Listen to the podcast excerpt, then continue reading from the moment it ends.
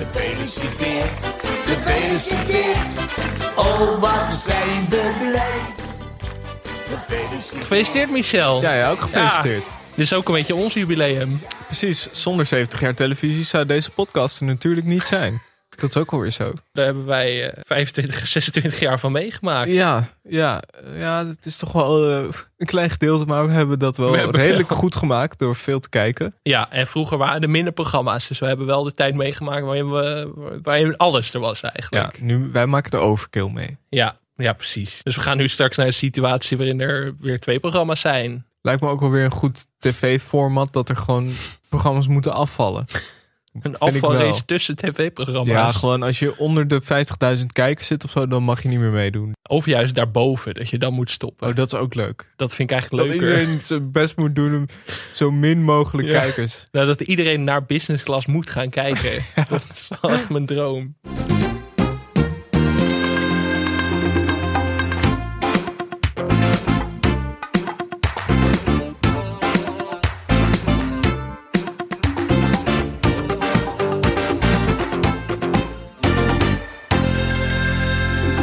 Welkom bij Televisie, de podcast over Nederlandse televisieprogramma's. Mijn naam is Michel Dodeman.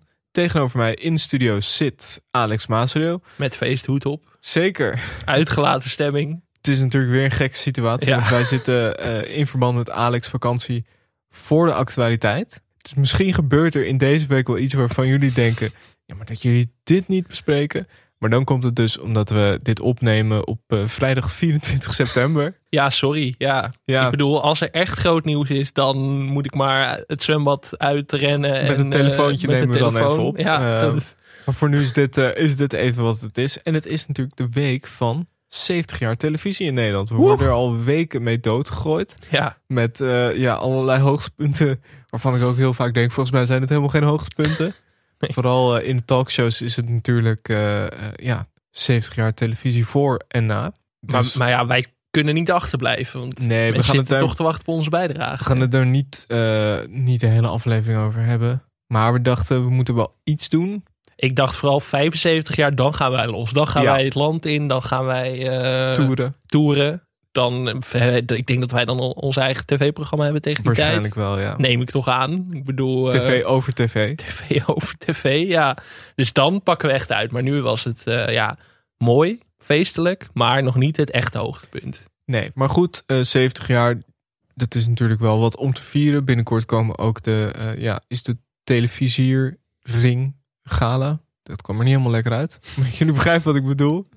Heel het gouden televisierring gala. Voor mij Zo. wel het hoogtepunt van het jaar op tv. Ja, en er worden natuurlijk prijzen uitgereikt. En wij dachten, ja, wij kunnen echt niet achterblijven. Wij moeten misschien ook een paar kleine prijzen. 70 jaar televisie. Ja, Met natuurlijk wel een beetje een nadruk op wat wij gezien hebben. Ja, dus alles voor 1995 wordt eigenlijk bijna genegeerd. Nou, niet alles, maar ja, kijk, dat is onze. We moeten eigenlijk een boomer erbij hier hebben in de studio. Ronnie Tober, Ronnie Tober, ja, dat denk ik. die hebben we toch nodig. Maar goed, we hebben dus een paar, paar, kleine, paar kleine awards. Eh, laten we beginnen met de beste tv-koppel. Ja, kijk, dit was natuurlijk een gewetensvraag. Ja. Ik bedoel, ehm, je kunt mij vragen naar een originele ingeving hier, een leuke ingeving, maar kijk, alles begint en eindigt voor mij bij Bassie en Adriaan. Dat is gewoon altijd zo. Ik bedoel, het is het programma wat me het, het, het Ja, meest maar aan het is, hart dat is meer een duo dan een koppel. Nee, ik ben van mening dat het een koppel is. Het worden, ze zijn geen broers in de serie, dus je weet het niet. Misschien zitten wel, je, je weet het niet. Misschien moet je er eens door een blik van 2021 naar Ja, kijken. Maar nee, ja, Toch progressiever dan we dachten uiteindelijk. ik, ik moest even ergens een eerbetoon aan mijn, aan mijn grote tv-helden brengen. En dat zijn toch Bastien en Adriaan. Oké. Ik eh, zou gaan voor meneer en mevrouw de Bok. André van Duin Ja, en ja. Corrie van Gorp. Ja, André van Duin moet natuurlijk wel een, eh, een prijs krijgen. En Corrie van Gorp eigenlijk ook. Fantastisch duo. Ik zat ook wel even te denken over Gerard Cox en Joke Bruis. Ja. Maar eigenlijk had ik verwacht dat jij die al zou noemen. Ja maar, ja, maar daardoor zat ik een beetje tv-koppel, tv-duo. Heb ik een beetje door elkaar gehaald. Ga ik eerlijk zeggen.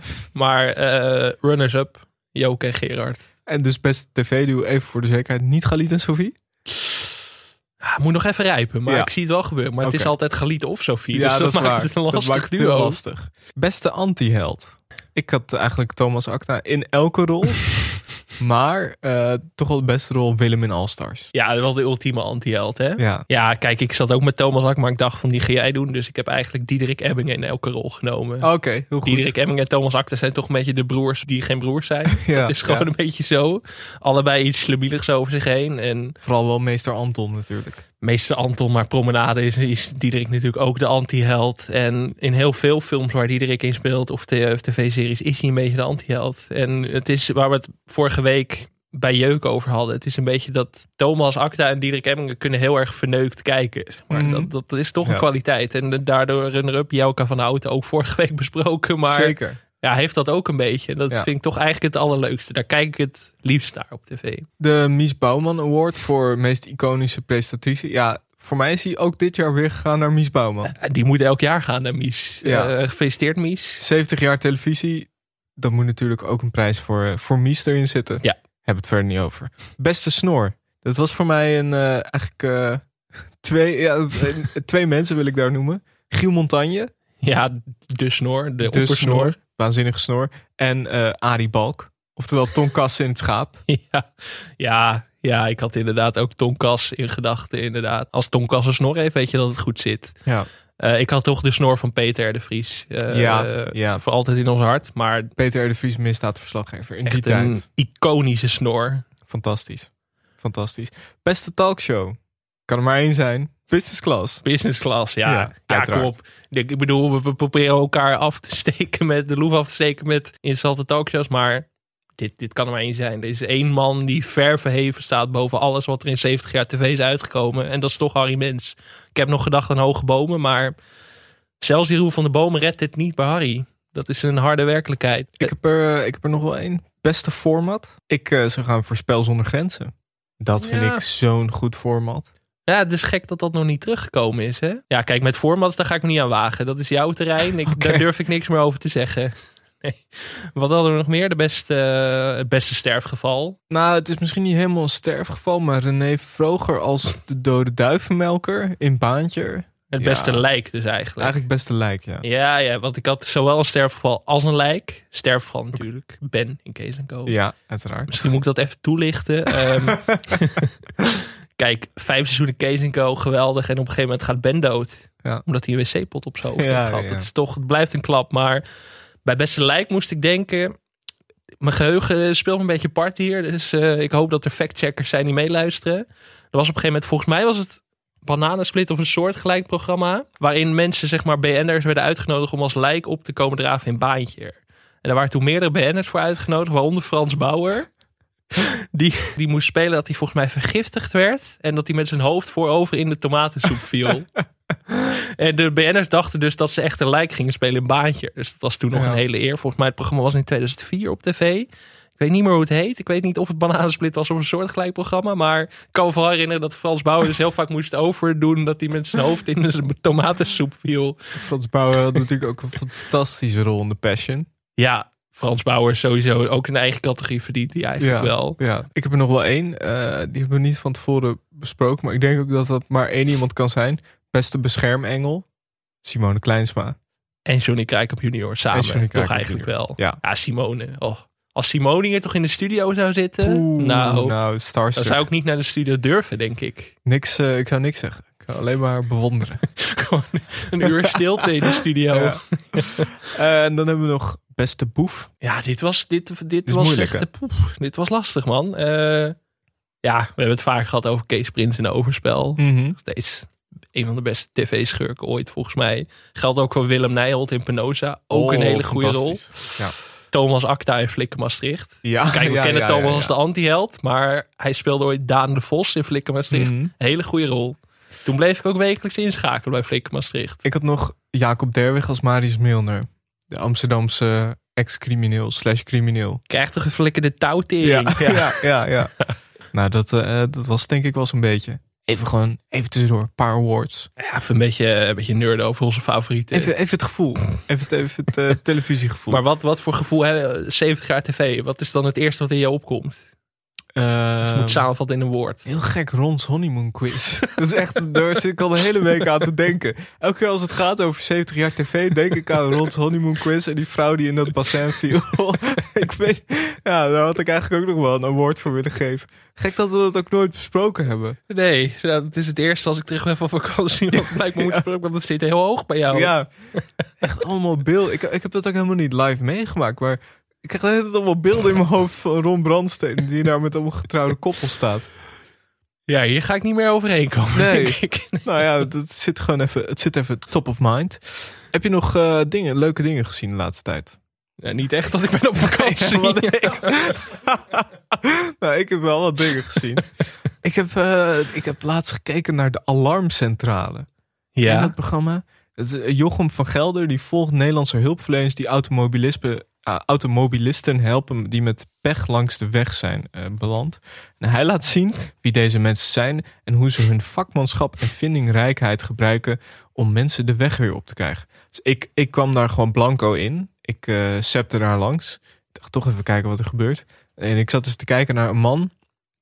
Die stond naar zijn auto en eh, ja, die had de, de wegenwacht gebeld omdat hij had al heel lang niet in zijn auto gereden, dus was zijn accu leeg. En ja, Jochem van Gelder kwam een beetje vragen van hoe komt dat? En nee, die man die werkte dus nu vanuit huis, want die gaf gitaarles. En dat ging allemaal via Zoom. Toen zei Jochem, ja, kan je niet, kan je niet even een gitaarlesje geven? Ja, dit, duur, dit duurde allemaal heel lang, maar ik dacht de alarmcentrale, wat een format. Maar ik was Jochem van Gelder ook een beetje, eh, was een beetje, Beetje weggezakt. kwijt. Ik was hem even kwijt. Maar goed dat hij er nog is. Dat hij alive en kicking is. Ja, eh, dat- natuurlijk, eh, vroeger was hij de big man. Hij was de man. Ja. Wie is er niet opgegroeid met Jochem van Gelder in Ja. onze generatie? Ik ken altijd ook wel iemand die in praatjesmakers gezeten had, toch? Ik ken altijd als een kind, of niet? Nee. Oh, Zeg je. In één huis eh, liepen we natuurlijk een beetje achter. Oké, nou, dat was mijn jeugd in Amsterdam-Zuid. Wij zaten nog met de Mies Bouwman. Ik kende de helft van de deelnemers. nou ja. Maar Dat was ook altijd bij Kinderen voor Kinderen. Daar hoorde ik ook Oh, wel eens ja. van. Oh, die ken ik. Maar dat is ook alleen in het gooi. Ja, ja. Verschrikkelijk vond ik dat, zeg Kinderen Oh ja, daar, daar heb ik ook nooit naar kunnen kijken. Maar Jochem van Gelder moet er een keer special eigenlijk over maken. ja, hè? vind ik ook. De alarmcentrale. Ik vond het leuk. We hebben het eerder, eh, volgens mij in de zomer al gehad over 1 in 2 vandaag. Ja. Ik vond het ook wel een beetje zo'n dat type programma. Eh, leuk verzonnen. Ik had nog wel, ook nog wel een ander dingetje. Ik kwam het programma tegen Eating with My Ex. Eh, dat is een Discovery Plus serie. Die Zo. maken ook series. Ehm, in de nieuwe Discovery Plus serie Eating with My Ex, Going Dutch, zeggen bekende reality exen ja tegen een etentje met elkaar om hun relatie te bespreken. Maar dat er geen sprake van liefde meer is, blijkt wel als Damian en Shirley, bekend van Temptation Island Vips, aanschuiven voor een hels diner. En dit vind ik dus heel interessant. Bekend van Temptation Island Vips. Ja, Maar moet je niet al bekend zijn om een VIP te worden in Temptation nou ja, Island? dat is dus de hele grap. Toen dacht ik ook die Shirley, waar ken ik haar nou van? Ja. Want ik zag dus een foto. En ja, die ken ik dus van eh Ex on the Beach Double Dutch 2021. En die zat dus ook in Temptation Island Vips. Nou, om in Temptation Island Vips te komen moet je al een VIP zijn. En meestal zijn dan de Vips, die hebben al in Temptation Island gezeten. Daarom zijn het Vips. Wat is dit voor loop? Nou ja, precies, dat is dus de grap. Eh, zij deed dus mee aan Temptation Island Vips met haar toenmalige vriend, jawel, Damian, die dus ook in dit programma zit.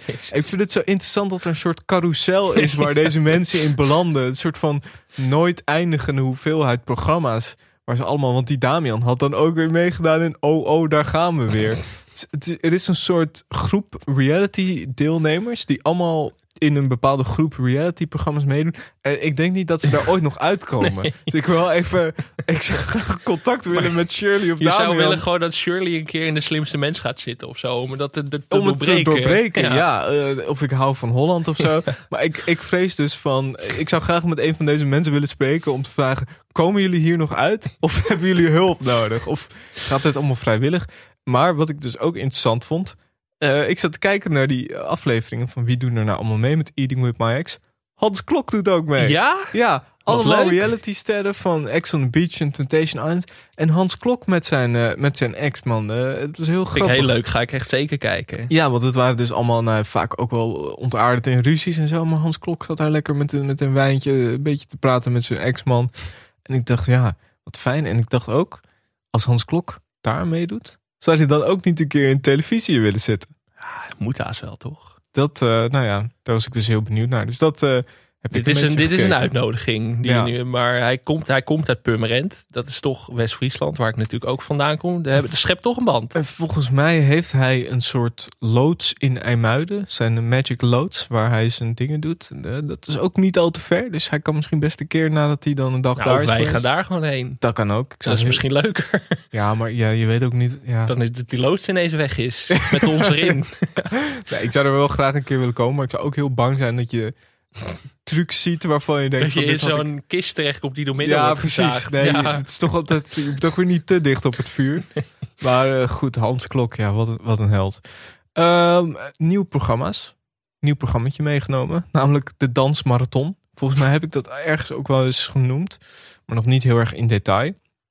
SBS 6 presenteert het grootste, zwaarste en vooral langste dansspektakel ooit op de Nederlandse televisie. Op 14, 15 en 16 oktober dansen 100 koppels 50 uur lang voor het goede doel. Slechts één koppel wint het prachtige geldbedrag van 100.000 euro. Met optredens van onder meer O'Gene, René Vroger, Gerard Ja, ja, Joling ja, ja, ja. en Broederliefde. Zo, Dit is wel weer een formatje hoor. wanneer gaan we dit zien? Eh, ik, ik neem aan ergens eind oktober of zo. Denk ik. Ja, het wordt dus half oktober uitge, eh, uitge, of opgenomen, moet ik zeggen. Dus het zal ergens eh, daarna zijn. Ja, de dansmarathon. Heel goed format. Ik ben ook wel belang, benieuwd. 50 uur lang dansen. Kan dat? Dus ja, kan dat fysiek, zeg maar? Ja, Ja, mogen ze ook tussendoor eten of drinken? Of hoe zit dat? Nou, ik ben er toch wel benieuwd naar. Ik ga er wel even naar Ik kijken. heb heel veel, vooral heel veel vragen over dit programma. Ja, ik ook. De dansmarathon. Ja, kijk, ik heb niet veel gezien, maar dat komt ook wel omdat ik gewoon opgeslokt ben. Er was laatst iemand op Twitter die vroeg van... wat is de mooiste zin uit de Nederlandse eh, muziekgeschiedenis? Kijk, toen dacht ik eerst aan Jack van Gelder, dames en heren... wat van de laatste jaren Mhm. natuurlijk is. Maar als we het over tv-geschiedenis hebben... gaat het natuurlijk vooral over artiesten voor Azië. Ja. Dat, dat nummer, als je iets kan doen... een oceaan van verdriet, vraagt om meer dan een lied. Maar toch, Mhm.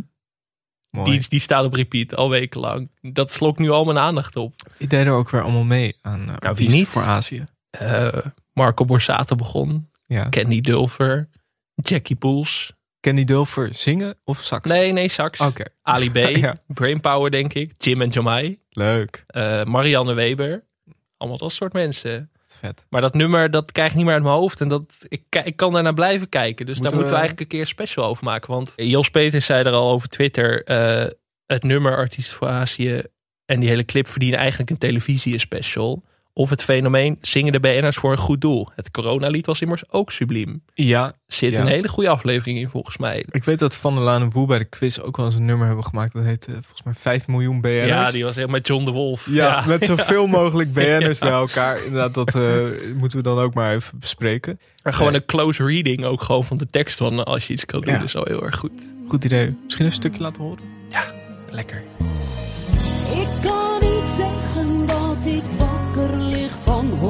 Hongersnood. Ik zal niet doen alsof ik bezig ben met kwaad en dood. Ik zal niet ontkennen dat het lekker gaat. Verdien goed mijn brood.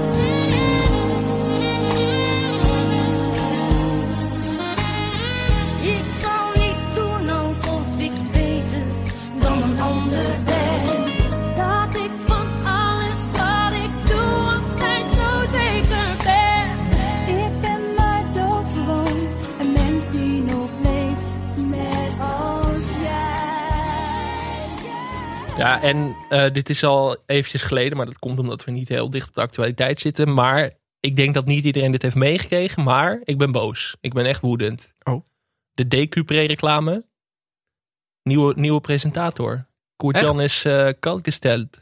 Waarom? Ja, dat, geen idee. Er, er is een nieuw iemand. En Thijs Faber, eh, die eh, attendeerde me daarop op Twitter. Nou, en ik vind dit echt, ik vind dit een schande. Ik wil echt even, Decupre, je doet niet meer mee. dit, dit, kan niet, hè. We willen Koert Jan terug. Of we cancelen dat hele bedrijf hier bij televisie. natuurlijk eh, deze zomer rond het EK eigenlijk het grote debat. Very Sure of. Ja. Welke van de twee grootheden, wat is je favoriete reclame?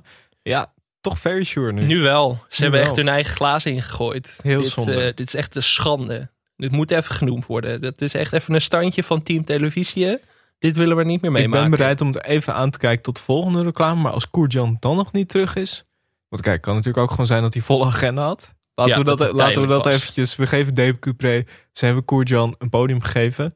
Dus we moeten ze ook een beetje eh, ja, wat credits geven daarvoor. Ja, maar, Maar- nee, je kan hem niet zomaar aan de kant schuiven. Dat Nee. is harteloos, schaamteloos. Dat kan niet. Dus ja, eigenlijk moet Koert Jan hier gewoon misschien zijn verhaal laten doen. Ja. Hoe dit mis is gegaan. Zijn kant van het verhaal. Zijn kant van het verhaal. Heel goed. Ik heb eh, nog een formatje eh, meegenomen. Eh, het is een nieuw idee. Het is een beetje geïnspireerd op. ik heb natuurlijk veel gekeken de laatste tijd naar chansons. En dus had ik een idee voor een programma dat heet Bars. Dus eh, net als Bars met een Z en met een uitroepteken. Ja. En daarin gaat Rotjoch samen met Matthijs van Nieuwkerk naar een plek. ik denken misschien Compton of zo. Om te praten over rapmuziek. Maar in dezelfde stijl als chansons. dus Matthijs moet dan ook hem een beetje napraten over Kendrick Lamar en zo. En gewoon ze gaan dan zelf. En het moet ook heel lekker filmisch en zo. Leuk in beeld gebracht. Dat ze samen daar zo op zo'n terras eh, misschien, ja, ik weet niet. Ergens bij een fastfoodketen of zo. Dat ze dan ook zo'n map maken met waar ze allemaal heen gaan. Ja. Dus eh, bars. ja, je zou het nog breder kunnen trekken. Dat, dat Matthijs met de jongens van Holland in de hoed gaat Ja. naar L.A. of zo. Ja, dat zou ja. ook heel leuk zijn. Dat Ik denk dat hier een franchise in zit hoor, van Matthijs. Met MC Bigga die dan wat cola over de, over de stoep heen gooit. Matthijs die met René Leblanc naar Engelbert Humperdinck gaat. Ja, Ja, ja, zo, ik zie alleen maar mogelijkheden hier. precies. Als dit Dus nog niet je- gedaan is. we, kunnen dit gewoon, eh, we kunnen dit gewoon uitbreiden. Dat is het, eh, mijn formatje van de week. Nou, luisteraarspost, een nieuwe vriend van de show. Dat is nu even niet van toepassing. Omdat we dus inderdaad wat voor de actualiteit zitten. Maar ik Dus, neem eh, aan dat het zeg maar op het moment dat dit wordt uitgezonden, dat er alweer tien bij zijn. Nou, misschien kan ik wel wat namen van mensen waarvan ik denk... Jan, Frits, David, Rosa, eh, welkom. Ehm, maar goed, dus als je luisteraarspost hebt, laten we, dat laten we even allemaal liggen. Komt, komt volgende week. Eh, dan gaan we nu luisteren naar het intro van het programma dat we vandaag gaan bespreken. Hij kwam net al even kort ter sprake. René Vroger, de Vrogers, even geen cent te makken. Stel je even voor. Je hebt een oprijlaan, een eigen huis, een plek onder de zon... met een verwarmd zwembad, een eigen tennisbaan... luxe en wilde en comfort. Gouden platen hangen als trofee aan de muur. En dan gebeurt je dit. Daar is het. Oh, Ja, het is wel groot hoor. Ja, het is wel anders. De Vrogers gaan een maand lang leven op bijstandsniveau. De auto past niet eens op de stoep hier. Ze zullen net zo creatief met geld om moeten leren gaan... als hun nieuwe buurtgenoten dat al jaren doen... en dat allemaal voor het goede doel. Dat ga jij een maand volhouden, denk je? Ja, ja, ik zal in ieder geval afvallen, denk ik. Maar, Ik heb net op internet je tafel zien staan met je vier stoelen. Heb ik nog staan, ja. Als ik je 30 euro bied, is dat goed? zo. Het is altijd leuk om te horen dat, dat, je, dat je een sterke vrouw hebt. Maar ik hoop ook dat ik een sterke man kan zijn. Ik denk dat ik me af en toe wel even uit de pit moet trekken. Kom je heen en vergeet al je zorgen op zoek naar het geluk. Want het leven is toch echt de moeite waard. Kijk om je heen, werk aan de dag van morgen. Die dag kan niet als je hem weet. En de zon schijnt voor iedereen. Ja, De Vrogers Even Geen Cent te Makken was een Nederlands televisieprogramma dat in het najaar van 2008 werd uitgezonden op RTL 4. In het programma ging René Vroger samen met zijn vrouw Natasja en hun twee zonen een maand lang in de bijstand leven. Ze kregen 1000 euro om een huis te kunnen inrichten en 607 euro om een maand van rond te komen. De Vrogers kregen iedere aflevering opdrachten waarvan de kosten extra op het budget drukten. Verder hielp het gezin de voedselbank. Ja, de Vrogers. Ja, kijk, je wil toch... Papa. Barbapapa. Ja, gewoon eh, bon gepakt. Ik bedoel, de, de renaissance is eh, volop gaande. René is elke dag wel ergens op tv. Ja. The Wheel zagen we hem natuurlijk. Eh, Car Wars. Het is echt eh, René voor en te na. En kijk, waar zou het hebben over 70 jaar tv? Dan moet je toch een programma hebben wat de grandeur van het medium eigenlijk aantoont. En dan Ja. kom je toch al gauw uit bij te makken. Ja, het is dus inderdaad een programma zoals gezegd... eh, waarin de familie Vroger, dus eh Natasja, René en de twee zonen... eh, een maand lang in de bijstand leven. En dit was een beetje de tijd. in 2009, een jaar daarna, kwam er vervolg op de serie. De Vrogers, helemaal happy. In In 2013 was er Joling en Gordon, eh, die eh, zeg maar de hoofdrolspelers hiervan waren. Gin en Goor, even geen cent te makken. Daarna had je natuurlijk Gin en Goor, waarheen, waarvoor. Gin en Goor, zoek een hobby. Gin en Goor, stevig gebouwd. En in 2018 kwam er weer een vervolg van dit programma met de familie Roelvink. De Roelvinkjes, even geen cent te makken. Ja, maar het begint toch wel echt bij de Vrogers. En dan Ja. misschien ook wel De Godfathers. de Godfathers, inderdaad. Alles wat daarna kwam is toch een beetje inferieur aan het, eh, aan het grotere geheel. En ik moest ook heel erg denken aan eh, Gillend naar huis. Omdat dit was natuurlijk ook wel een beetje de periode van BN'ers doen normale dingen. Ja, Bijzondere mensen doen normale dingen. Ehm dit was ook een beetje rond die periode. Dit begon dan eind eh, 2008 en het eindigde ook in 2008. Negen afleveringen, één seizoen. Ja, dit was een beetje ook de periode dat we mochten zien dat eh, de Vrogers er warmpjes bij zaten. Mhm. Maar het verschil met Gillend naar huis is wel... eh, In Gillend naar huis deed Gordon eigenlijk alles met tegenzin. ja. Ehm, en hier wordt er juist laten zien, de Vrogers hebben het goed. Maar ze laten zich wel echt van hun beste kant zien. Ze zetten hun beste beentje voor. Het is ook voor een goed doel, voor de Mhm. voedselbank. Eh, want ik zat eerst nog wel even te denken, wat is dit nou eigenlijk weer voor een raar format? Maar goed, toen keek ik het programma en toen dacht ik, oh ja, nee, dit was, dit was eigenlijk, eigenlijk wel goed. En het heeft uiteindelijk ook wat opgeleverd. Ik had ook een beetje dat ongemakkelijk. Ik denk van, eh, gaan rijken nu kijken hoe de armen erbij zitten... en na een maandje weer lekker terug naar huis, weet je wel. Nee, lekker nee, nee, het maar ze hebben uiteindelijk 2,3 miljoen opgehaald voor de voedselbank. Uitstekend. En eh, de, de voedselbank had zelfs eh, distributieproblemen na de afleveringen. Dus het is Nou, een succes. Dat vond ik wel heel leuk. En je hebt natuurlijk ook dat fantastische nummer van René. De zon schijnt voor iedereen. Ja, maar toen, Eh, toen ik dat hoorde, was ik weer helemaal terug, eh, Ja. terug in 2008. drie weken in de top 40 staan, 29 hoogste positie. En de opdracht of eh, de opbrengst van de single ging ook weer naar de voedselbank.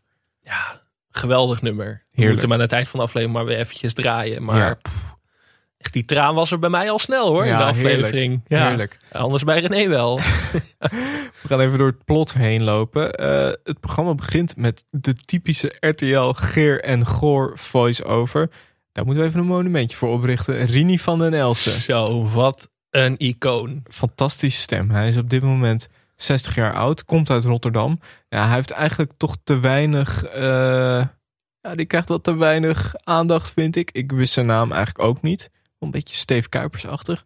Maar hij, eh, hij, hij spreekt films in. Hij speelt series in. Ja, zijn eerste credit op Wikipedia, dat vond ik heel grappig, eh, is Baantje, seizoen 1, aflevering 9, De Moord in het Kremlin. Ja. Ik weet niet of het eh, daadwerkelijk in het Kremlin was, ik denk het niet. en daar staat achter, stem van barvrouw tussen haakjes man. Oh. Ja, ja, ja, Interessant. ja dat, dat, nou, het zal je eerste credit zijn. Maar ja, veel stemwerk dus gedaan. En laten we eerlijk zijn, er zijn veel iconische stemacteurs. Niemand komt in de buurt bij Rini. Nee, nee, absoluut niet. Hij heeft echt, als je ook op Wikipedia kijkt naar de hoeveelheid programma's die hij heeft gedaan, het is niet normaal. Er zitten ook dingen bij. It's My Life, SBS 6 van Hans Kraai junior. Toppers op weg naar de arena. Knevel en Van der Brink. Knevel van de Brink. Gordon in de mode. Giro Loterij. De gemene deler. De Wikipedia-pagina van Rini is eigenlijk, zeg maar, daar zit zoveel materiaal bij voor toekomstige aflevering Ja. van televisie. Samantha en Michael willen rust in de tent. Love Island. Peter Bucks. Everybody loves Joey. Domino Day. Samantha en Michael enkeltje Torremolinos. Happy Hour. Peter, Jan en Virginia. Doen ze het of doen ze het niet? Misschien wel de meest niche die ik tot hier kan zien. Brit en Imke aan de bak in Blanes. RTL 5. Ja. Hatsa. Hij heeft ook, eh, ook wel bij games heeft hij ook eh, ingesproken. Ratchet Clank. Skylanders. Skylanders. Gran Turismo Ja, 5. en dus- proloog. Ja, en dus allerlei films, telefilms, Sprookjesboom, eh Elvin en de Chipmunks, eh, Café de Wereld, tv-programma, The Avengers. Avengers? Ja, wel iets anders, denk ik. ja, ik wil het zeggen. Zit er niet ook in Hollywood? Nee, de animatieserie. Oh, oké. Ja, je denkt al zo. Ja. Dat, die, eh, dat Rini ook onderdeel is van het Marvel-universum. Dat je Iron Man, Captain America, Rini. Ook eh, eh, heel, heel meta, want hij, hij heeft eigenlijk ook een plek in de populaire cultuur. Want in 2013 werd hij zelf geïmiteerd in eh, de tv-kantine. En in 2018 deed Jochem Meijer hem na in zijn theaterprogramma Adem in, Adem uit. Ja, dan heb je het wel echt gemaakt. Zo. Maar goed, dat, even een klein monumentje voor Rini. Want die Maar- krijgt... Ja, Ja, op, dezelfde hoogte als uh, podia, podia die we eerder aan Jeroen van der Boom, Jack van Gelder, Harry Mens, René Leblanc. Ik vind hem wel van die orde van grootte Ja. hoor. Ik vind wel dat hij in die categorie mag. even luisteren. Het goede leven. Je hebt er tenslotte hard voor gewerkt en laten we wel wezen, het heeft ook meegezeten. Heerlijk een balletje slaan in je eigen tuin. Heerlijk een baantje trekken in je eigen tuin. Ja, de Vrogers hebben het eigenlijk prima voor elkaar. Maar verder is het een doodnormaal gezin met twee prachtige kinderen. Ze houden van het leven en ze houden vooral van elkaar. Piet, word je wakker? Verder met het plot van eh, de Vrogers. Even geen cent te makken. De Vrogers gaan dus een maand lang leven op bijstandsniveau. De eerste personages worden eh, geïntroduceerd. René, de pater familias. Natasha, de zorgzame moeder. En eh, Maxime en DJ, de zoons. Eh, in het begin wordt even de weelde goed benadrukt. We zien bijvoorbeeld het zwembad. We zien de royale tuin. We zien de villa. Eh, Ik dacht even, waar is Jair Verbeda? Ik dacht toch even Ja. aan High Society Ja, ja, ja. bij de eerste beelden. Echt mooie golfbanen en zwembaden. Ik denk, straks komt Jair weer het zwembad induiken. Dan Ja. ben je toch altijd even op je hoede. de René legde uit dat het eh, geld het leven makkelijker maakt.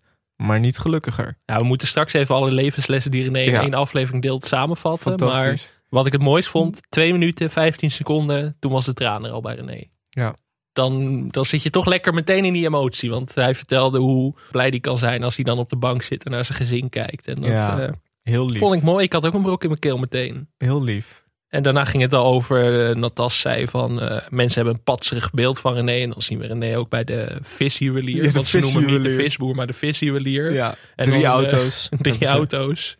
Maar dat klopt eigenlijk niet. Want René en Natas zijn gewoon met niks begonnen. En dat maakt ze eigenlijk de ideale host van dit programma. Ja, en het is ook zo, eh Natas legt ook uit dat... Ik ga ook automatisch Natas zeggen. Ja. ik haar helemaal niet. Natasja, sorry. Natasja vertelt Nee, ook... Natas eh, mag wel, Ja, het is Ja, Natas. Net als Maris. Ja, Maris en Natas. ja, dat hoort er Iedereen gewoon weet bij. waar het over gaat. Eh, zij vertelt waarom René ook zo geniet van het leven. En daar vertelt hij zelf ook over. Eigenlijk omdat hij weet dat elke dag eh, de laatste dag kan zijn. Omdat hij iemand kent die vertelde. Eh, volgens mij was dat dan een vriend van hem. Die go- altijd zijn hele leven had gespaard. En daarna dan wilde gaan genieten van het leven.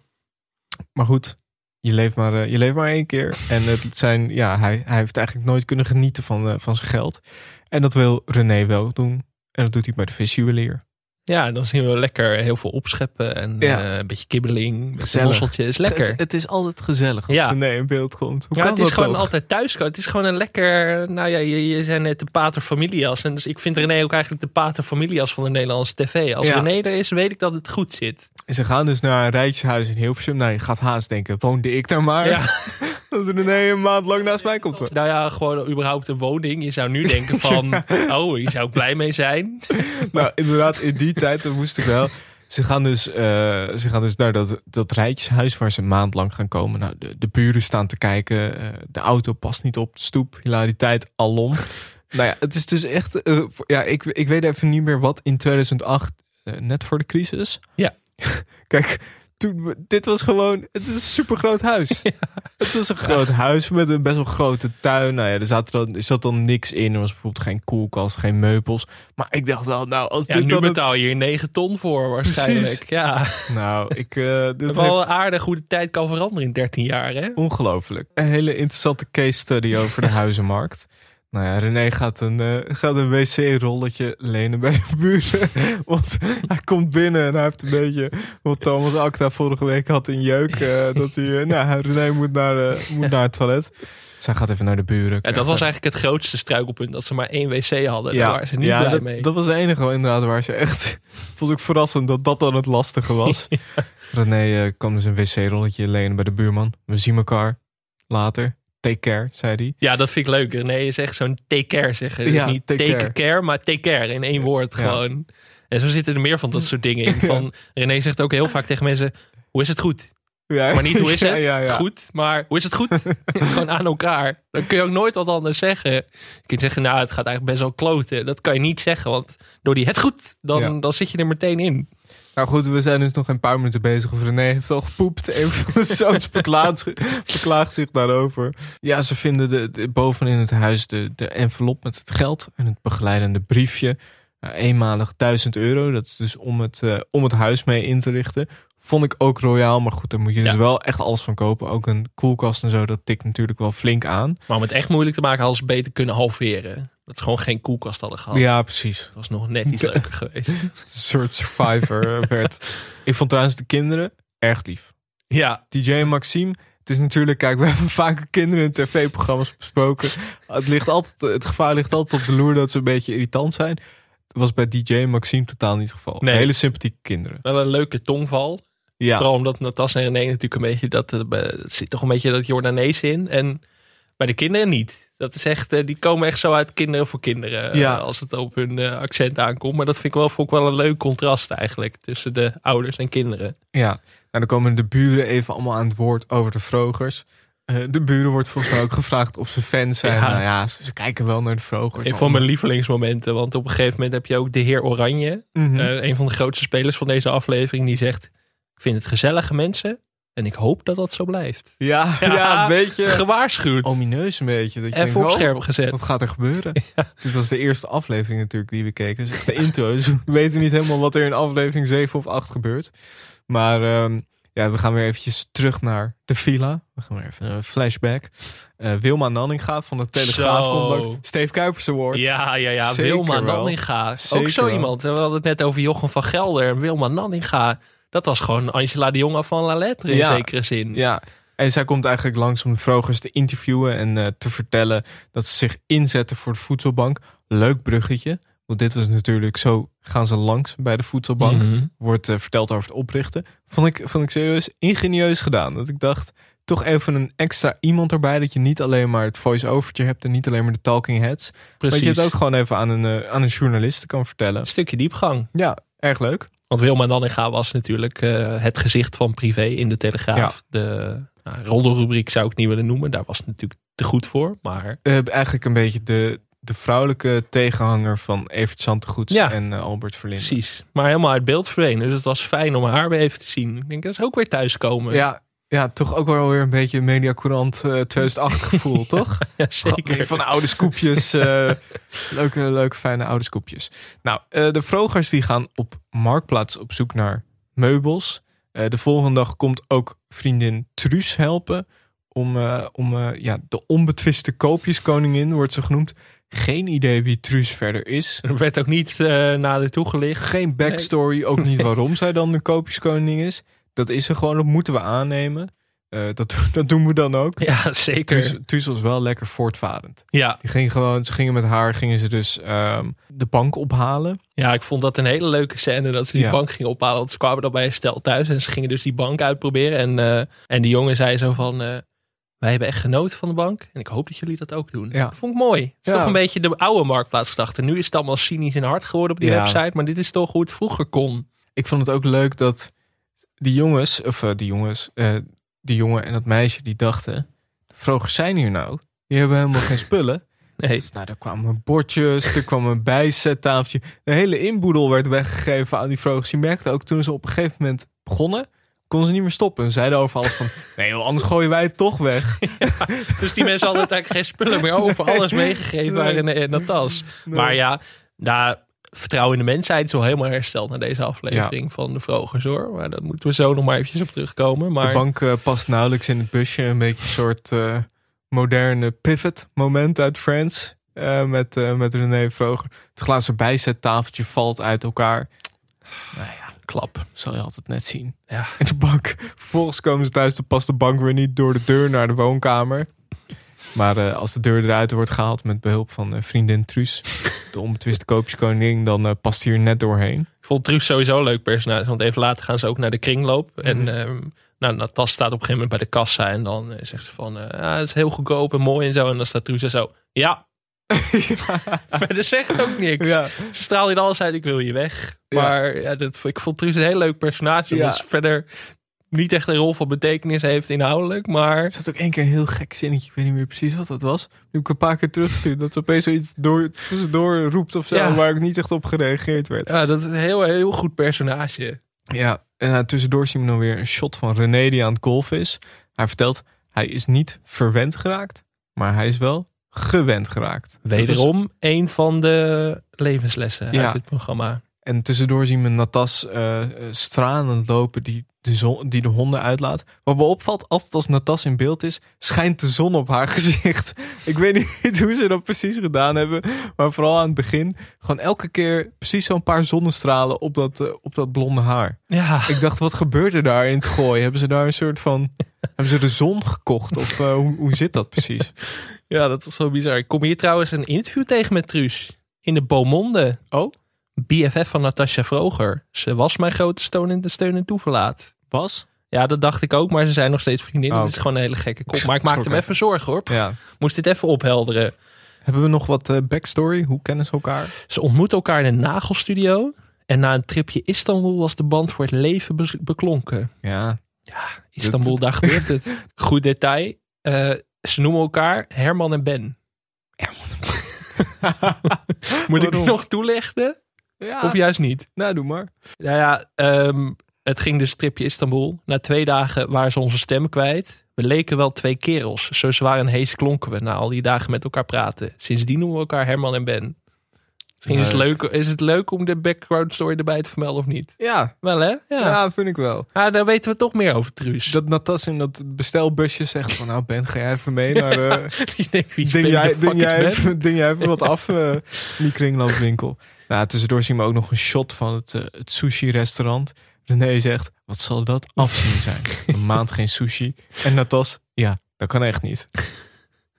Nou, daarna gaan de vrogers langs bij eh, Dirk en zijn eh, vriendin Kitty. Plus eh, vier kinderen. Zij leven op bijstandsniveau. Dirk heeft een uitkering. En nou ja, het is eigenlijk eventjes om een soort van in te leiden wat zij gaan meemaken. Of eigenlijk is dit natuurlijk een stuk zwaarder dan wat ze gaan meemaken. Maar het is ook om eh, ja, eventjes de, de eh, functie van de voedselbank. Want Dirk haalt daar ook zijn voedsel. Die vertelt daar ook dat hij daar veel beter eten kan halen dan als hij dat zelf om moet kopen. En eh, ja, ze worden eigenlijk een beetje ingewijd in hoe, hoe dat nou is om op bijstandsniveau te leven. Precies, en dat was ook vooral gedaan omdat het zeker toen hing rondom de voedselbank nog een soort tokkie, ja, best wel een stigma. tokkie stigma inderdaad. En dat wilden ze hiermee ook wegnemen. Dat, het ook, dat normale mensen ook naar de voedselbank gaan. Dat was wat ze een beetje beoogden, las ik in interviews ook met de makers. Ja, En dat is volgens mij wel redelijk gelukt. zeker. Eh, Maar dat vond ik sowieso wel leuk aan dit programma. Dat eigenlijk iedereen komt er sympathiek uit. Ja, Het is vaak nog toch wel met dit soort programma's dat je denkt van... nou ja, zoals bij Gillend naar huis. Dat je soms denkt van nou, dit... Ja, het zit het tegen... zit tegen het exploitatieve aan. Bij ja, maar dit is totaal niet zo. Iedereen helpt eigenlijk een soort van met het grote doel. Ja, daar was ik wel bang voor toen we dit terug gingen kijken. Ja, ook. oei, dit wordt, wordt pijnlijk. Maar nou, wat ik zei, mijn vertrouwen in de mensheid is eigenlijk helemaal hersteld na, na dit programma. Ja, was erg leuk. Nou ja, goed, met, met 1000 euro moeten ze dus de huisraad bij elkaar schrapen. Eh, we zien hoe ze gaan verhuizen met het blauwe instrumentenbusje van, eh, van René. Iedereen mag een klein koffertje met spullen mee. Nou ja, volgens mij DJ of Maxime vraagt nog, past het skateboard erin? Nou, dat eh, lukte dan niet. Eh, René, dat vond ik echt een heel goed moment. Hier kwamen even wat dingen samen. René stuit bij hem in de straat op een filmploeg van Gooise vrouwen. Zo, Linda de Mol komt even buurten. met Cheryl Morero pruik op. Ja, Dus ja, het, was ja. een hele, het waren een soort drie werelden die elkaar, door, door elkaar begonnen te Ik lopen. miste Martin Morero wel even. Ik had Ja. gehoopt dat hij ook nog naar buiten zou komen. Maar dat was ons niet gegund. Nee, maar ja, pff, het is toch... Vind ik altijd leuk als zeg maar twee televisiefenomenen samenkomen. Dat, Ja. dat smaakt mijn hart altijd een sprongetje. Beetje net als dat eh Fairly Odd Parents en Jimmy Neutron of zo. Dat er dan, dat er zeg maar personages... Nou, of laatst in Promenade, dat meester Anton en Arie Balk ineens Ja, eh, in Promenade ja. zaten. Ja, toen zat ik jankend voor de tv. Ik bedoel, dat is voor mij... Als tv elkaar kruist, dan, dan ben ik een gelukkig Ik heb mens. wel eens eh, gezien eh, ik keek, was jij natuurlijk ook, je was vroeger vervent sitcom kijker. Mhm. Bij de King of Queens. Ja. Dat dan eh, Ray uit Everybody Loves Raymond eh, langskwam. Dat is in Nederland wel echt te weinig gedaan hoor. Je zag bijvoorbeeld nooit Johnny Krijkamp ineens in Kees Co opduiken. Nee, te weinig. ja, dat had meer en moeten gebeuren. gebeurd, maar Ja, maar te weinig nog wel. Misschien in de comedies die ik keek was het gewoon... eh, was op een gegeven moment in Kindergem Zwaar komt Johnny Kruikamp wel langs. En dat toen was een beetje dat hij... Hij was niet het personage uit het Zonnetje Huis, maar het had wel die connotatie. En Ja. dat, nou, dat kwam er dichtstbij in de buurt. Leuk. Gooisvrouwen moeten we ook echt nog een keer gaan bespreken. Ja, Ook een, eh, een absolute klassieker. dat heb ik daarvan genoten, zeg vroeger. Ja. Dat kan je nu toegeven. Dat is lekker aan deze podcast. Moeten ik heb we- geen schaamte meer. Moeten we binnenkort echt een keer doen. Ja, gaat Ja. eh, en natuurlijk Villa Morero. Dan Zo. meteen ook erbij pakken. een dubbel feature. Ja. Ehm, nou, goed. eh, René komt aan bij het, het nieuwe verblijf, zijn nieuwe huis. Er staan allemaal stellages in de tuin. Zijn er, er wordt geschilderd. Eh, tussendoor weer even een shot in de villa. Een van de kinderen, dat was wel eh, de meest on-brand of zo. Maar mam, ik moet ook golfles, roept hij. En Natasja zegt, nee, dat gaan we niet doen deze maand. Natasja, Natas was lekker doortastend de hele tijd. Hè? Die Ja. zat tot bovenop. Nou, we hadden het al over anti-helden. Dat vind ik ook heel leuk. Dat René Vroger cultiveert heel erg dat hij zelf niet zoveel kan. En dat Natas eigenlijk alles regelt en alles doet. Het komt hier ook eh, heel erg in terug. Het is eh, duidelijk dat Natas die, die, die fixt alles en die regelt alles. En die zorgt dat iedereen eh, zijn koffer heeft ingepakt en zo. En René die ligt onder een, eh, onder een eh, wasmachine. Eh, dat lukt allemaal niet helemaal en zo. Ja, wat ik heel mooi vond, was dat Natas de hele tijd over René praat alsof hij een kind is. Maar dat Ja. hij de hele tijd zijn acties aan het toelichten is. Wat, wat Matthijs van Nieuwkerk altijd probeert bij Rob Camps in chansons. Is Ja, hier ja, ook ja. een beetje van, ja, dan zegt René iets. En dan zegt Natas herhaalt dat dan. En die zegt, ja, maar hij heeft dit en dat. En hij kan het gewoon niet zo goed. Nee. En dat vond ik heel erg lief eigenlijk. Ja. Daarom hebben, zijn ze ook zo'n perfect stel. Hey, dankjewel. Ik ben René. Ik ben Jeroen, alsjeblieft. Hey, top, dankjewel hè. Nou, René is heel handig met computers. René is heel handig met televisies programmeren. Maar vraag hem niet om een lamp op te hangen, want de hele wijk zit zonder stroom. Daar is hij niet zo handig in. Hij heeft één keer de televisie eh, opgehangen voor me. En eh, toen maakte ik de fout om binnen te komen. En toen dacht ik, zei ik, heb je zo'n televisietje gekocht? Want de haak waar die op moest zat echt zo'n stuk onder het plafond. Dus ik kreeg een verwoestende blik, dus toen ben ik maar weggegaan. En uiteindelijk had ik acht gaten in mijn muur voordat de televisie... En helemaal aan het einde komt een van de, de buren. Een buurman komt langs en die eh, brengt allemaal lekker eten langs. Nou, heel lief. Over mensheid, eh, vertrouwen in de mensheid hersteld gesproken. Zo, dat is wel de conclusie van deze aflevering. Ja. Hè? Lief universum, deze hele wereld. Heel leuk. Ja, Heel leuk. Goeie, goeie kijkervaring. Ja Wat want ik je was er ervan? wel bang voor. Maar wat ik zei, het, het, er zaten wat rare dingen in. Dat je inderdaad denkt, een huis in Hilversum zou ik nu een moord voor doen bijna. Niet echt natuurlijk, was de maar tijdsgeest. was de tijdsgeest. Maar nee, ja, ik, ik werd er vrolijk van. Kijk, het heeft natuurlijk wel nog steeds iets eh, ongemakkelijks af en toe. Maar als je het dan doet, moet je het zo doen volgens mij. Je kunt het dan beter doen met de vrogetjes dan met de roelvinkjes. Dat is Ja, het belangrijkste. Ja, Misschien ik weet ook nog wel van Geer en Goor even geen cent te makken. Nou, het was wel fantastische tv. Maar Ja. dat ze allemaal borden volgens mij stuk gooien en zo. Ja, maar dit, dit is dan toch, vind ik toch iets beter. Dus Ja. met iets meer empathie gemaakt in ieder geval. Het was, niet, het was geen ranzige tv. En dat ligt bij dit format gewoon heel erg op de loer. Een beetje dat armoede, eh, BN'ers in de armoede, in het armoede-genre of zo.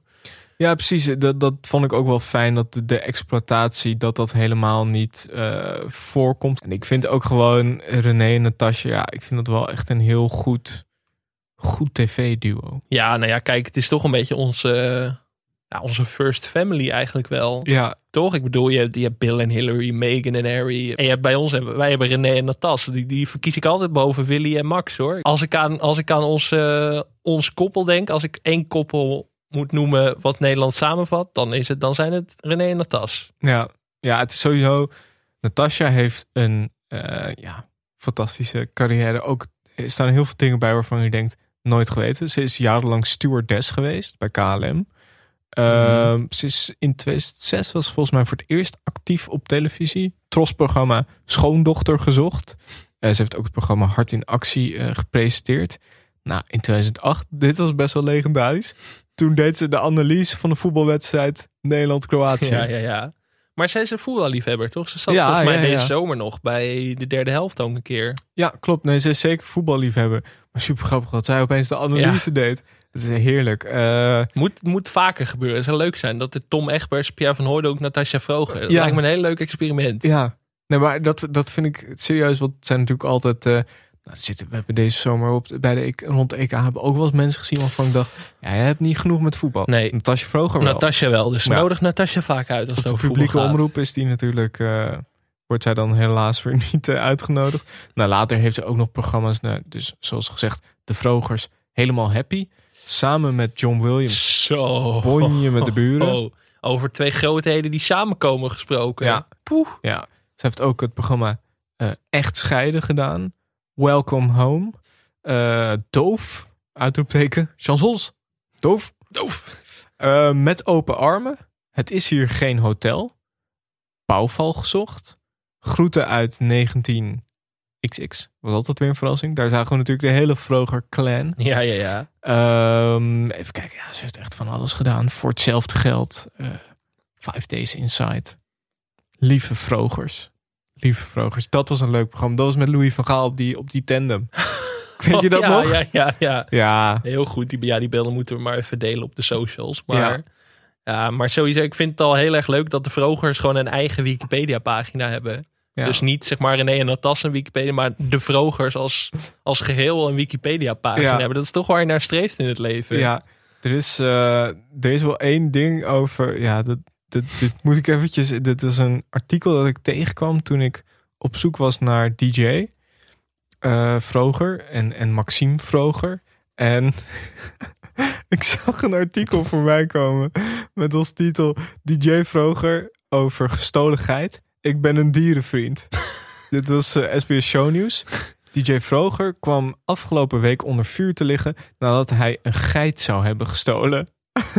Aan shownieuws doet de 23-jarige zoon van René en Natasja nu zijn verhaal. En wat blijkt? Het bizarre tafereel, het bizarre tafereel was geen echte die- diefstal. Hij had de geit nodig voor eh, de clip van zijn single Medicijn. En hij heeft dus die geit gestolen, maar het was allemaal in scène gezet. Ah, gelukkig. hè. De gestolen geit van DJ Vroger. Zo, daar zit ook een goede podcast in. Fantastisch. Ja, Natas is, moet ook even gezegd worden, is heel eventjes in opspraak geraakt. Lag niet per se aan haar, maar ze maakte reclame voor eh, de Nederlandse Energiemaatschappij. Waar veel grootheden reclame voor hebben gemaakt. Ik kan me ook, eh, Johan Derks heeft het volgens mij ook gedaan. Ja, En Ik dus ook. doen. Ik zeg doen. Ja. Ja. En Natas ook, maar daar kwam wat op even over. Want eh, ja, in de reclame werd gezegd dat de Nederlandse Energiemaatschappij de goedkoopste is. En wat denk jij? Niet de goedkoopste. Nou ja. Maar Natas mocht het geld gelukkig gewoon houden. Dus dat, dat gun ik haar ook. Het lag meer aan het bedrijf dan aan Natas zelf, gelukkig. Even haar naam gezuiverd. Ja. Wat ik jammer vind, eerste aflevering, geen Danny Vroger. Nee, Toch van de Vroger zonen is, eh, eh, klinkt als een soort godenzoon. De Vroger zonen is, is Danny Vroger eigenlijk de bekendste, denk ik. ja, voor mij staan ze allemaal op gelijke hoogte natuurlijk. Maar voor, de, voor het grote publiek eh, is hij inderdaad Ja. wel de bekendste. Ja, later, volgens mij later in het seizoen is hij wel te zien. Ook in de Vrogers. Helemaal happy is hij te zien. Eh, natuurlijk ook bij de jubileumconcerten van de Vrogers. en groeten uit 19XX. Ook heeft hij meegedaan aan Boxing Stars en The Roast of Johnny de Mol. Boxing Stars. Boxing Stars, ja. Dat, Dat, is een- alles wat ik me voor moet stellen. Ja, ik, precies. Dat was een programma waarin eh, ja, bekende Nederlandse tegen elkaar opnemen. Bij, eh, ja, in een bokswedstrijd met deelnemers als Take Takema, Ja, Rick ja, ja. Brandsteder, Zo. je broer, Prees, Kai van der Voort, Michael Bogert, ja, ja, ja. ja. eh, Tommy Christian, Dan Carity, Laura Ponticorvo. Werd dat ook niet gepresenteerd door Ruben Nicolai? Ja, volgens mij met, eh met Olje Gulsen. Ja, ja. Boxing. Stars. Ja, en eh, ja, de winnaars moeten we dan toch maar even benoemen. Jessie Jess Fuik, Rijn van Duivenbode en Juvat Westerdorp. Gefeliciteerd. Ja. God, hoe zijn we hier nou weer Ja, van de blok? Oh, van de Vrogers. Ja, ja, nee, dat was het. Eh, Danny Vroger. Paar andere observaties. Ehm, René is natuurlijk de ultieme uitvinder van de charmant nonchalante knipoog. Zo weet je wel. Ja, zo, ja. eh, dat, dat vond ik heel goed. Ik heb een paar levenslessen opgeschreven. We, hadden, we hebben er al een paar eh, de revue laten passeren. Ik ben niet verwend geraakt, ik ben gewend geraakt. Mhm. Vond ik misschien wel de mooiste. Het is veel te duur om honden te onderhouden in het leven. Ja, Ook waar, denk zit ik. Iedereen heeft zijn gebreken. Ik ook. Mooi, toch? Die zelfreflectie die erin Leuk. zit. Eh, geld maakt het leven makkelijker. Je hebt meer vrijheid, maar het maakt je zeker niet gelukkig. Mooi. Mooi. Past ook goed bij dit programma natuurlijk. Er waren momenten waarop ik geen piek had en gelukkiger ben dan nu. Oh. Ook weer ontroerend. En eh Natasja op een gegeven moment, om ergens op te zitten waar anderen op hebben gezeten, dan denk ik ja, als je in een hotel slaapt, ben je ook niet de enige die in het dat bed is een ligt. goede quote. Allemaal levenslessen in dit programma die je mee moet nemen. Hij zegt dat van René van die knipoog, maar René heeft natuurlijk sowieso wat dingen. Hij heeft ook de... Als hij, alsof hij net een slok heeft genomen. En ook, eh, ja, ook altijd, hij heeft een soort van zwaai. Dat hij zeg maar zo zijn handen zo Ja. tegen elkaar aan doet. Zo zijn duim, zijn duim tegen, tegen, zijn, tegen zijn wijsvinger. Duim tegen de wijsvinger. Ja, je zit het nu te gebaren. ja, ik kan het niet voordoen. Maar mensen, mensen weten wel. Mensen weten wat ik bedoel. Gewoon, nou ja, Ja, ja ik, ik, ik, weet, je gaat een beetje googlen en dan eh, kom je dingen tegen. En ik dacht wel, van ons werk wordt uit handen genomen. Bol.com recensies. één keer vijf sterren, één keer één ster. Oh? Ja, de mening liep uiteen. De eerste recensie was... eh, de serie van de Vrogers is zeer goed en realistisch. Deze laat zien hoe mensen in de bijstand werkelijk leven. En hoe weinig ze te besteden hebben. De Vrogers laten alle luxe achter. Ze ook een tijdje. Kortom, een echte aanrader voor iedereen. Er waren geen leestekens, dus vandaar de... en de maar er was ook kritiek. Ik vind dat als je dan toch de moeite doet om zo'n programma te maken... je niet in een eensgezinswoning moet gaan zitten, maar in een krap fletje. Doe het dan gewoon gelijk goed. zit wat in. Zit wat in. Dat was al de voornaamste kritiek op het programma. Om er nou meteen één ster voor te geven. Vond vind ik ook wat hard. Ja. Vind ik ook wat hard. Maar er zit wel wat in. Het was wel een erg mooie woning. Ja, ik, Ik, heb dacht ook, heel veel mensen zouden hier moord voor doen. ik heb ook heel hard gelachen om eh, de, de promotietekst die televisier ten tijde van het uitkomen van het programma had. Dat was namelijk, eh, het begon met... Ik kan niet zeggen dat ik iets tekort kom, zingt René Vroog in zijn grootste hit. Alles kan een mens gelukkig maken. Maar de komende tijd moet de wel doorvoede zoon van Bolle Jan de broekriem flink aanraden. Of de buikriem flink aanhalen. Vond ik een eh, gewaagde intro. Ja. Dat, eh, en even later niks derde videorecorder. Niks drie keer uitgebreid in bad. In de Vrogers is Schraalhans keukenmeester. Die uitdrukking ken ik niet. Wat leuk. Schraalhans is keukenmeester. Wel door voet. Ik vind het ook wel, nou ja. Ja, ik vind het smaad. Maar Ik televisie doet smaad. dit gewoon. Goed, ja, als je de zoon bent van eh Bolle Jan, dan, eh, dan kan het inderdaad misschien. Maar goed. Ja, het ligt een beetje voor de hand. Ja, dat is natuurlijk sowieso wel leuk aan... Kijk, wij kennen alleen René Vroger. Er zat daarvoor, daarvoor waren er nog meer Vrogers. Ja, Die ook al bekend waren, zoals Ja. Jan Vroger. zo. Ik kwam in ook nog een nieuwsbericht tegen in 2010. De Vrogers voorlopig niet meer op tv. Schrok ik van. Waarom niet? Ja, dat we Natas wilde gewoon dat de kinderen even uit de, uit de schijnwerpers zouden komen. Maar ik zat wel te denken, je groeit letterlijk op in de spotlights. Ja, Je kan, je kan geen accountant meer worden als je een vroger bent. nee, zeker. Eigenlijk. Dat is eigenlijk ook wel een beetje net als die eh, Ex on the Beach Temptation Island carousel. Ja, je zit daar gewoon in en je kan er niet meer uitkomen. Nee, dat is ook met vrogertjes zo. Wel nog een leuk feitje over Jan Vroger. Hij nam in 1969 het album Vice Versa op. Met daarop voornamelijk seksueel getinte liedjes. En eh, later kwam ook, een jaar later kwam zijn tweede album uit. Verse Vice. Via het label Sexclusief. Ja. Leuk. naam ook vice versa. Ja, leuke, leuke feitjes over eh, Jan Vroger. Ik moet dan altijd aan oom Henk denken. Dat was vroeger ook zo'n fenomeen. Weet je dat Oom nog? Henk? Oom Nee. Henk. Ja, ja Was dat in Enkhuizen? dat misschien wel. Maar die, ja, die had ook allemaal... Dat was, ja, ik weet ook niet waarom ik dat nu in mijn hoofd heb. Maar allemaal liedjes als Mambo nummer 6. Opblaas Krokodil. Neem een ander in de maling. Op de muziek van Baby, eh, Barbie Girl. allemaal dat soort dingen. Mijn tieten zijn oké. Ken je dit niet? Nee, ken ik echt niet. Oké, misschien zegt het meer over mij dan... eh, als mensen ook weten wie ome Henk is, dan eh, hoor ik dat graag. Nou, genoeg over Alex. Jeugd in eh Enkhuizen. ik denk dat het tijd wordt om af te sluiten. Ho, ho. Nog een niet? klein stukje nazorg. Want. Of nou, niet nazorg, maar gewoon wat dingen wat René nog meer heeft gedaan. Die nog Oh ja. even benoemd moeten worden. Duivenmelker in Baantje. Ja, De beste dode duivenmelker die we ooit gezien hebben Mhm. op tv, volgens mij. Gastrol in Zeggens A als zwerver. Ja? Ja, wel in de remake of de reboot van Zeggens Oké. A in 2009. Die was niet heel goed, maar René als zwerver, iconisch. Ongeëvenaard. Ongeëvenaard. Hij zat in 2018 ook in het programma Moppetappers. Ja, dat weet ik nog wel. Ja, misschien moeten we daar even een heel kort fragmentje van laten horen. Dat, Leuk. dat dekt de lading wel een beetje. Ja, ik heb een hele ondeugende eigenlijk wel. Er zijn, eh, zijn twee vrienden en die, die willen gewoon lekker de kroeg in. Gewoon ouderwets, lekker op stap. Maar ja, die kijken in hun zak en die voelen. En weet je wat, die halen één tientje tevoorschijn. Nou, wat moet je tegenwoordig nou doen in de kroeg voor een tientje? Kan, kan dat niet meer. Nou, dus die ene vriend die heeft een ongelofelijke oplossing. Hij zegt, weet je wat, wacht maar even. En die komt terug en die koopt voor het ene tientje een leverworst. Zo'n grote leverworst. En zegt die vriend, hij zegt, we moeten namelijk een levenworst, we moeten zuipen. Hij zegt, we gaan, hij zegt, wacht nou even. Hij zegt, we gaan de kroeg in. Hij zegt, we gaan gewoon zuipen. En op het moment dat we moeten betalen, hou jij die levenworst voor. Dan ga ik er aan sabbelen. En geloof mij, wij worden de kroeg uitgegooid. En we denken, ja hoor, ze duiken, dus, ze, ze, duiken dus, ze duiken een kroeg in. En op een gegeven moment, ja, het is eh, echt 20 bier verder. Zegt hij, ja, Dirk, uh, maar eens eh, die leverworst voor. Dus die houdt die leverworst voor. En Dirk gaat eraan. En wat denk je? De portier komt, vuile viezerikken, mijn kroeg uit. Dus wat gebeurt? Kroeg in, kroeg uit, kroeg in, kroeg uit. Dat gaat door. Zitten s morgens om vier uur gewoon laveloos als een kanarie tegen een gevel. Waarop Dirk zegt... Hij zegt, geef mij eens een stukje van die leverworst. Dan zegt hij, Dirk, leverworst? Die had ik bij twee dikke veel op.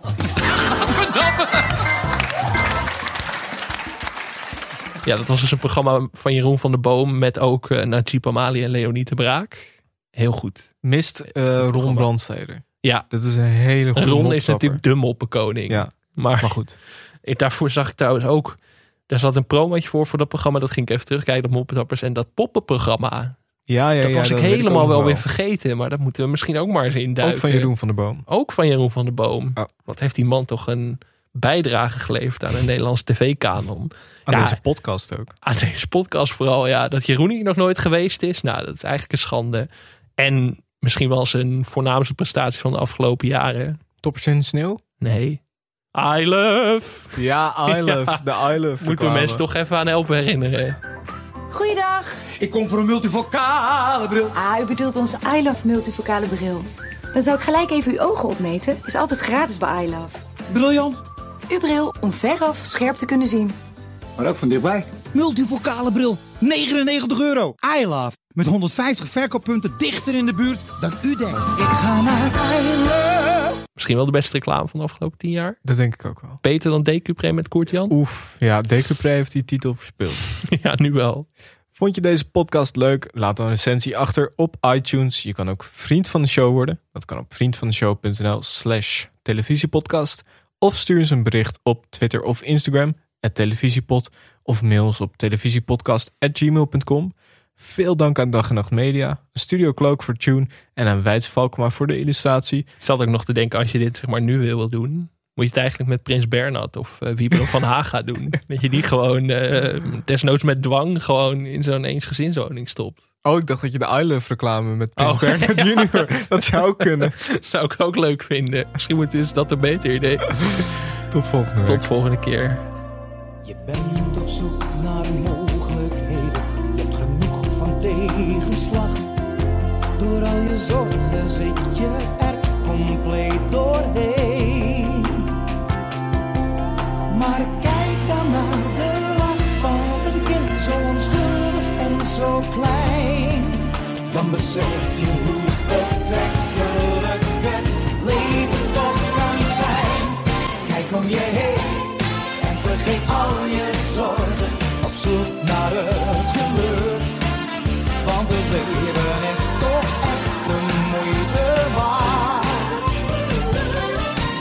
om je heen.